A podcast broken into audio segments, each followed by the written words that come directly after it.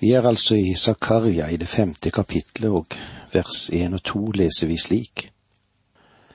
Da jeg igjen løftet øynene, fikk jeg se en flyvende bokrull. Engelen spurte meg, hva ser du? Jeg svarte, jeg ser en flyvende bokrull som er tyve alen lang og ti alen bred. Når vi sluttet sammen sist, så var vi innom dette avsnittet. Størrelsen på bokrullen var altså tyve alen ganger ti alen. Det vil si det var en veldig stor bokrull, dette. Og bokrullene på Zakaria sin tid, de var laget av papyrus eller skinn. Og så var det en stokk i hver kortende slik at de kunne rulle manuskriptet av den ene stokken og over på den andre etter hvert som de leste. I stedet for å vende side som vi gjør i dag når vi leser en bok, så rullet de ut manuskriptet etter hvert som det ble lest. Men Zakarias bokrullesyn var tjue ganger ti alen. En alen var målet fra toppen av langfingeren til albuen og kunne variere avhengig hvilken størrelse et menneske hadde. Men den var omkring 50 centimeter. Som da vil gi oss målene fem ganger ti meter, så det vil bli en rekke dynetrekk, dette. Og Zakaria ser altså nå den flyvende bokrullen det vil si den farer hurtig over hele landet. Og jeg kan bare tenke meg at den var helt rullet ut da den beveget seg over landskapet. Størrelsen på bokrullen kan ha en spesiell betydning, fordi det er samme størrelse som det hellige tabernaklet og Salomos buegang i tempelet. I første kongebok, kapittel seks, vers tre, leser vi slik. Forhallen foran tempelrommet var 20 alen lang, svarende til bredden av huset, og ti alen bred, målt ut fra huset. Det var det stedet der prestene kunne komme og tilbe ifølge loven. Ingen kunne noensinne gå innenfor forhenget uten når blodet ble stenket der. Det ble gjort av øverstepresten bare én gang om året, da han steg inn dit som en representant for hele folket.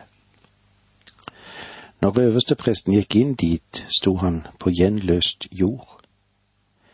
Gjenløst gjennom blodet. Du og jeg, vi står også i dag foran en frigjort grunn.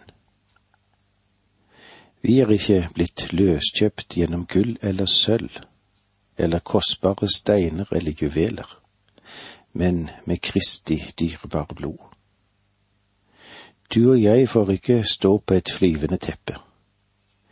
Vi er blitt frigjort fra straffen og syndens makt, slik som det står i Johannes 3, 14 og 15.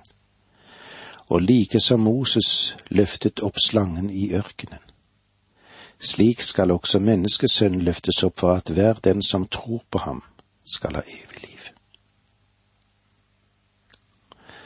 Vi går videre i Zakaria, vers tre. Så sa han til meg, dette er forbannelsen som går ut over hele landet. Fra nå av skal hver tyv utryddes etter det som står i bokrullen, og enhver som sverger skal fra nå av utryddes etter det som står i den. Åpenbart var det slik at de ti bud var skrevet på bokrullen, og de ti bud deles inn i to avdelinger. De første fire bud har å gjøre med menneskets forhold til Gud, og de siste seks budene styrer menneskets forhold til mennesket. Og derfor, når det gjelder budet om å stjele, som er sitert her, fra nå av skal hver tyv utryddes etter det som står i bokrullen. Det representerer antagelig den del som har å gjøre med menneskets forhold til mennesket. Dette identifiseres også veldig klart i Salme 50. Ser du en tyv, slår du følge med ham Du skal ikke stjele. Med ekteskapsbrytere holder du lag. Du skal ikke drive hor. Du sitter og taler mot din bror og snakker ondt om din mors sønn. Du skal ikke bære falsk vitnesbyrd mot din neste. Slikt har du gjort. Og jeg skulle tie. Mener du at jeg er som du? Nei, jeg vil refse deg og holde det framfor deg. Slik står det altså i Salme 50, versene 18 til 21. Nå er det slik, fordi mennesket på den tid brøt de ti bud uten at de fikk smake Guds straff for dette, så trakk de den konklusjonen at han var slik de var, og ikke ville gjøre noe med deres overtredelser. Men Gud sier at han, han vil gjøre noe med dem. Moseloven ble gitt til Israel, og den skulle bli folkets lov, og så skulle de lyde loven. Vel, de var jo ulydige mot loven, og da drev Gud dem ut av landet. Og når de var adspredt blant folkeslagene. Hva skjedde da?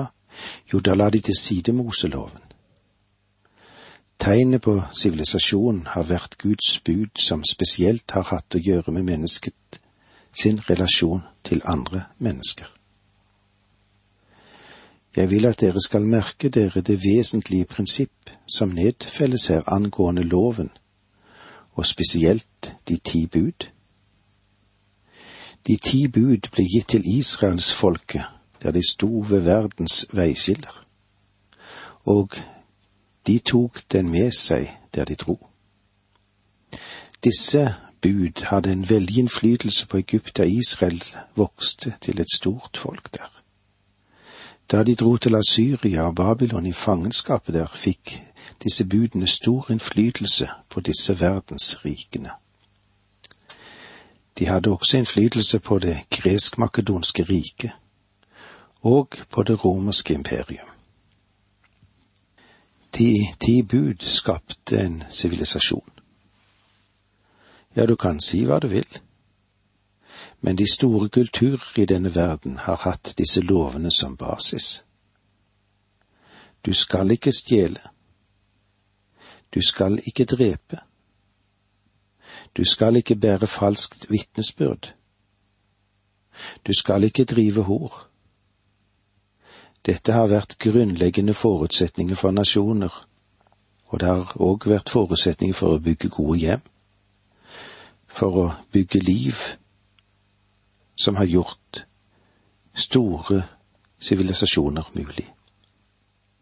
Så lenge vårt folk hadde dem som en klippe å bygge på, var de velsignet av Gud og våre problemer var få sammenlignet med dem som er der i dag. Men vårt verdenssamfunn har vraket dem, og vi er kommet til det samme punkt som israelsfolket gjorde det. Gud har gitt Israel som et eksempel. Gud sier, selv om jeg har valgt Israel som et folk, vil jeg dømme hver enkelt menneske som bryter mine bud. Og så presenterer da denne flyvende bokrullen for hele verden det grunnlaget Gud vil holde fast ved for å dømme nasjonene. Det interessante er at det er meget vanskelig å finne noe galt med loven. Nå går Gud videre og sier dette i vers fire.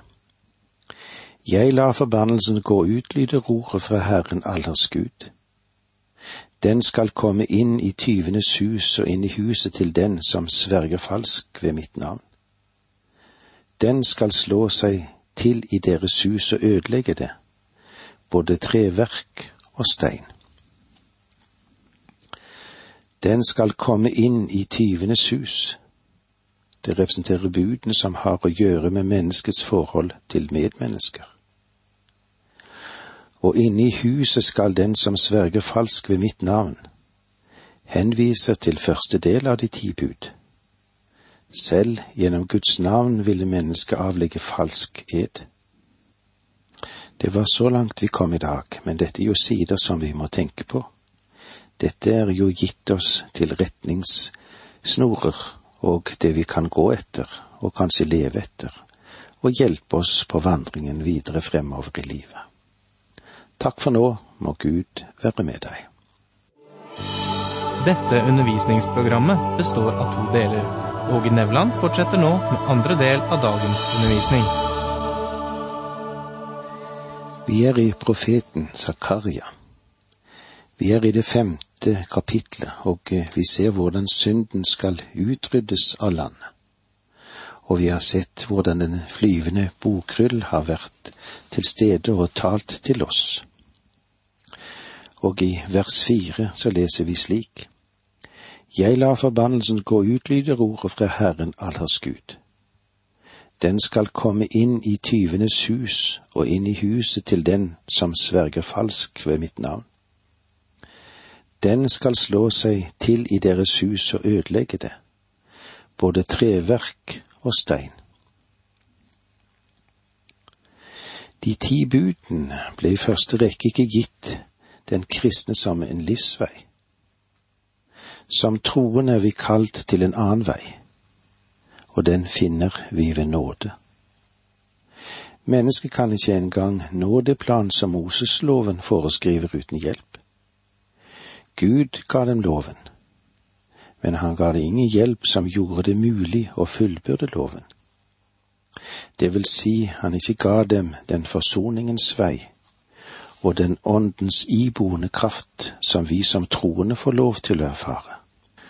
Og derfor kunne ikke mennesket i sin egen kraft eller gjennom sin, sine egne evner måle seg med de ti bud. Hvor godt er at du og jeg lever i nåden, nådens tidsalder. Og Gud har gitt oss sin hellige ånd, og ved ånden skapes frykt i våre liv. Kjærlighet, glede, fred, langmodighet osv., som aldri fantes i Moseloven. Vi går nå videre inn og ser med synden i dens innerste vesen som må fjernes. Vi vil se på kvinnen i Efaen. La oss lese fra vers fem til elleve. Engelen som talte med meg, kom fram og sa til meg, Løft nå øynene og se hva som kommer fram der. Jeg spurte, Hva er det? Han svarte, det som kommer fram der, er et efamål. Så sa han, dette er det en kan se i hele landet. Men se, da blyloddet ble løftet opp, satt en kvinne i efamålet. Dette er ondskapen, sa han. Så kastet han henne tilbake i efamålet og la blystein over bygningen. Jeg løftet øynene og fikk se to kvinner som kom fram. Vinden fulgte vingene deres, for de var som storkevinger. De løftet efamålet opp mellom himmel og jord. Da spurte jeg engelen som talte til meg, hvor skal de med efamålet? Han svarte, de skal til Sinarland og bygge et hus for henne. Når det er ferdig, skal hun settes ned der på sin plass emnet som vi var inne på forrige bit, den, den flyvende bokrull, fortsetter nå denne visjonen som vi var innom. Engelen viser profeten et nytt syn. En efa er brukt både om kornmål og for en beholder som tar dette målet av korn. Det siste er tilfellet her. Det siste engelen sier i vers seks, kan kanskje oversettes med de eldste oversettelser. Dette er uretten i hele landet. Hele Judas synd i samlet sum representerer refaen. Alle syndige tanker, ord og gjerninger. Bildet utvikler seg overraskende. Et blylokk på Efan tas av, og det viser seg at en kvinne sitter i den. Engelen forklarer igjen. Hun er ugudeligheten. Dette er ord for hunnkjønn på hebraisk, derfor en kvinne. Dette gir oss et usedvanlig bilde, eller utviklet bilde av, bilde av hva synd er. Bak de ytre ting som vanligvis anses som synd også i Det gamle testamentet, det ligger i selve grunnskaden hos mennesket, mangelen på gudsfrykt. Synden er noe mer enn summen av alle enkeltsynder. Hva er det? Jo, det er ugudeligheten. Kvinnen støtes ned igjen i efaen, og lokket settes på. Her ser vi at bildet utvides igjen.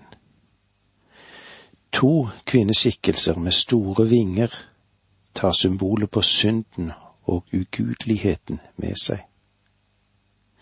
De løfter Refaen opp fra landet. Zakaria har fått se inn i det som er så vanskelig å forstå. At synden ikke kunne fjernes av folket selv ved en ytre omvendelse. Her blir den fjernet av to skikkelser av himmelsk art. Hva var det Zakaria ikke kunne sjå? Jo, det var at hvis Gud skulle fjerne folkets synd, så måtte det gå gjennom lidelse og gjennom soningsdød. Og den soningsdøden var det Jesus som utførte, han som var Messias. Denne renselse fra synden i folket, den peker altså igjen frem til de kommende frelsestider, eller den kommende frelsestid som Jesus ga oss. Vi kan finne det òg hos andre profeter at syndforlatelsen er et viktig trekk i denne tiden. Efan skal bringes til Sinars land, et gammelt navn for Babylon. Zakaria ser undertrykker landet som selve inngrepet av synd. Synden har der sitt naturlige hjemsted. Der skal det bygges et hus, altså et tempel for dem. La oss gjenta vers igjen. Engelen som talte med meg, kom fram og sa til meg, løft nå øynene og se hva som kommer fram der. Sett nå at jeg fortalte deg at i natt kom det et fartøy fra det ytre rom og landet i hagen min, og to små grønne menn kom ut og snakket med meg. Ville du trodd det? Vel, om du ikke tror det, så vil jeg ikke fortelle det heller. Men som du vet, så er det intelligente mennesker også i dag som faktisk tror på flyvende tallerkener. Og noen avlegger red på at de har sett dem. De har til og med sett små mennesker inne i dem og det finnes vitenskapelige grupper flere steder i verden som alvorlig gransker meldinger om ufoer. Vi har innlegg fra to grupper. Den ene tror alvorlig og hardnakket at det finnes flyvende tallerkener. Den andre gruppen tviler på det og benekter det like hardnakket. Hvordan var det med Zakaria? Han trodde heller ikke på flyvende tallerkener men han så to flyvende gjenstander i sine syner. Han så merkelige objekter komme fra det ytre rom. Husk nå at jeg har sagt at Zakaria-boken er en av de apokalyptiske bøkene i Bibelen. Den er grensesprengende, har stor plass for himmelske vesener. Den er åndelig, og den er svært symbolsk. Med andre ord, det han skriver dreier seg om forhold utenfor denne verden. Og vi trenger å buksere unna fantasien på den ene siden og materialismen på den andre siden. Vi står med andre ord ved en utskytningsrampe, og vi er rede til å se enda et syn. Faktisk, om dere forstår meg rett, da. Vi vil se den første astronauten, kanskje. Tror det eller ikke, det er en kvinne som er i et av disse fartøyene. Det kalles en EFA-kurv, som er et hulmål. Engelen som talte med meg, kom fram og sa til meg, løft øynene og se hva som kommer fram der. Enda en gang erfarer vi at han har øynene vidt åpne. Dette er ingen drøm. Og engelen som tolker dette for ham, sier, Vær så vennlig og løft øynene. Vers seks. Jeg spurte hva er det, han svarte. Det som kommer fram der, er et efamål. Så sa han, dette er det en kan se i hele landet. Jeg spurte hva er det? Dette var for Zakaria noe helt ekstraordinært, og jeg kan bare tenke meg at han undret seg fordi det gikk ut over hans vanlige sanser, dette. Men her skal vi altså møte en kvinne som stiger fram i rommet, og Zakaria ønsker å få en forklaring. Det som kommer frem der, er et efamål. En efa er et hulmål, ca 36,5 liter. Det ble brukt for å måle opp forbruksvarer som korn og mel. Derfor representerte dette handel.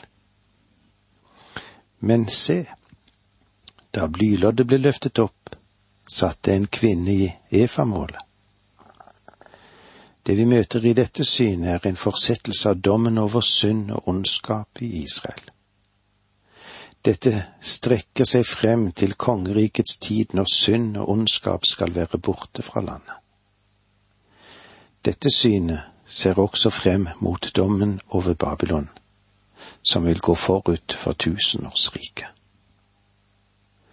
Og med disse ordene må vi si takk for nå, må Gud være med deg.